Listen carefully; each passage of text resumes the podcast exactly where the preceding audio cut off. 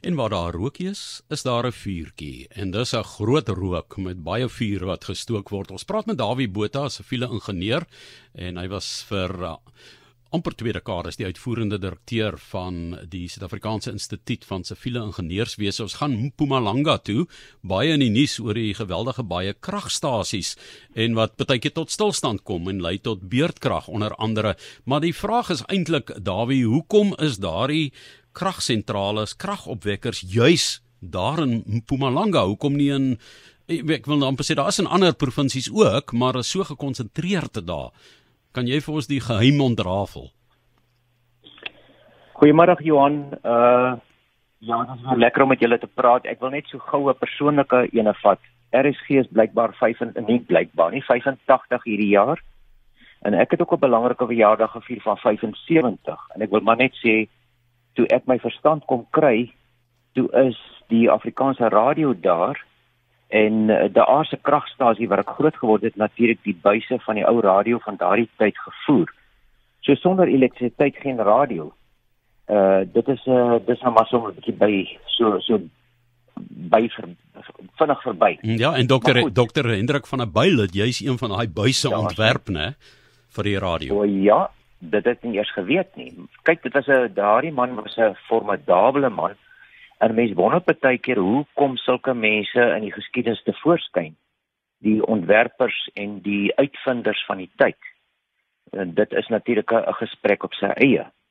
Maar goed, soos jy gesê het, waar daar rookies is 'n vuurtjie en dan moet daar iets wees waarmee die vuur gestook word.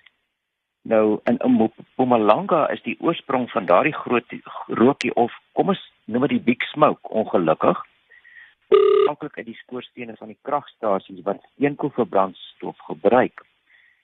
En die rede vir die groot kragstasies daar, ek weet nie presies wat die regte term is of die die uitdrukking is nie, maar mense gebruik ook die woord kragsentrale. Van Mpumalanga is juist daar so baie brandstof in die vorm van steenkool. Die reserves praat van soms van honderde jare se steenkool wat beskikbaar is. En dan is daar natuurlik 'n ander belangrike deel van hierdie resep vir elektrisiteit en dis water. En dit is 'n ander faktor waarvoor Mpumalanga bekend is of was. Nou, na die ontdekking van goud het Suid-Afrika baie sterk begin groei en uh, elektrisiteit was toe nou 'n uh, 'n nuwe uitvinding wat allerlei sake begin dryf het. En so so na die na daardie tyd het die behoefte na elektrisiteit net eenvoudig van groei en groei en groei soos ons nou maar weet. En verby was die tyd toe daar baie dorpies en stede hulle eie kleiner of groter kragstasies bedryf. Hierdie Kaap sien 'n mens nog van die ou groote staan wat uit bedryf geneem is toe Kaapstad nog groot deel van sy eie elektrisiteit opgewek het. Maar goed, Hendrik van der Byl was Dr. Hendrik van der Byl was een van die groot geeste soos jy genoem het Hy het met groot planne voor 'n dag gekom om Suid-Afrika te omskep in 'n nywerheidsland. En so het Eskom tot stand gekom in 1923. Dis is Eskom volgende jaar 100 jaar oud. Ek dink dis iets wat ek ook maar eers onlangs ontdek het. Dan in 1967 was ek 'n uh, deel van 'n kom ons sê 'n toer as waterwese uh, student het ons uh, die voorreg gehad om om na die uh, Mpumalanga se ooste kant te toer en wat vir ons onder andere Camden gaan wys en ook die damme waaruit hierdie kragstasies gevoer word. En Camden is op 'n stadium gepensioneer, maar op die stadium toe die kragverbruik uh al groter geword het, is hy weer soos baie van ons ou mense weer teruggehaal uit uit uh ons aftrede uit. En hy is weer vol stadium uh vol vol aan die gang. En op hierdie stadium voorsien hy natuurlik 'n uh, uh, uh 'n redelike gedeelte van die kragbehoeftes. Nou die ou grootes in Mpumalanga sluit in onder andere Kendal, Hendrina, Kusile, Matla, Tutuka, Duba, Mayuba, 'n groot vlei. 'n Mens kan hulle eenvoudig nie miskyk nie, né? As jy daar in daai omgewing ry, dan ry hierdie reuse koeltorings die lug in. En daar's ook die skoorstene en die turbinesale dis nou waar waar die amper die harde ware van die elektrisiteitsopwekking insit is van oral af sigbaar. En net interessant, Duba kragstasie se twee skoorstene is so wat 300 meter hoog en dus die tweede en die derde hoogs hoogste mensgemaakte struktuur in Afrika. En dis net 'n skoorsteen by Sekunda wat wat hulle op die lug afsteek en 'n bietjie hoër is. Nou 'n ander interessante ding is, jy weet ons is baie van plus uh, geneig om om is kom te kritiseer en uh, te sê mense maar hoe kry julle dit reg om om ons nie van krag te voorsien maar dit is uh, elektrisiteitsvoorsiening was van een van die mees ingewikkelde projekte uh, en bedrywe in terme van multidissiplinêre interaksie. Ek wil so 'n paar noem.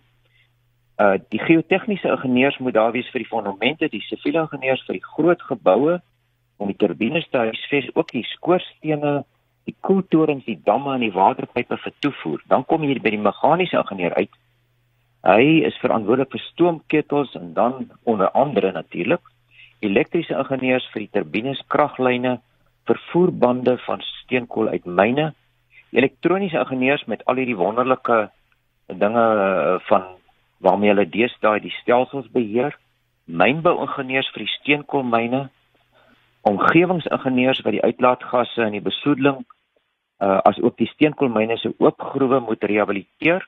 Interessant genoeg baie keer as hulle daar eh, met die myne daar verby is waar die steenkool uitgehaal is, dan sien jy grasvelde en jy sien mielies.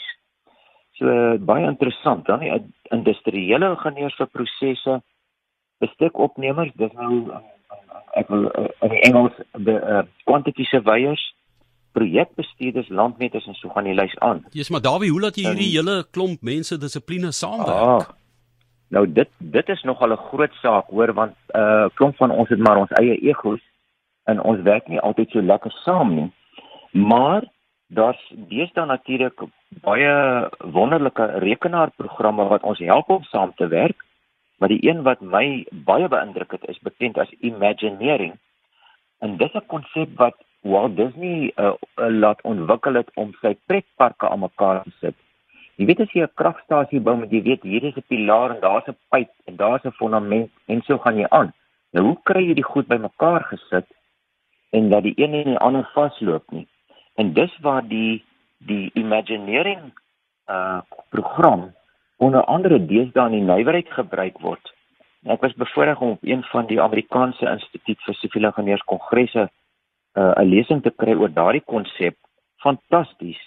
So die pype en die die fondamente en alles pas uiteindelik oor mekaar en langs mekaar verby en dit word alles op rekenaare beplan.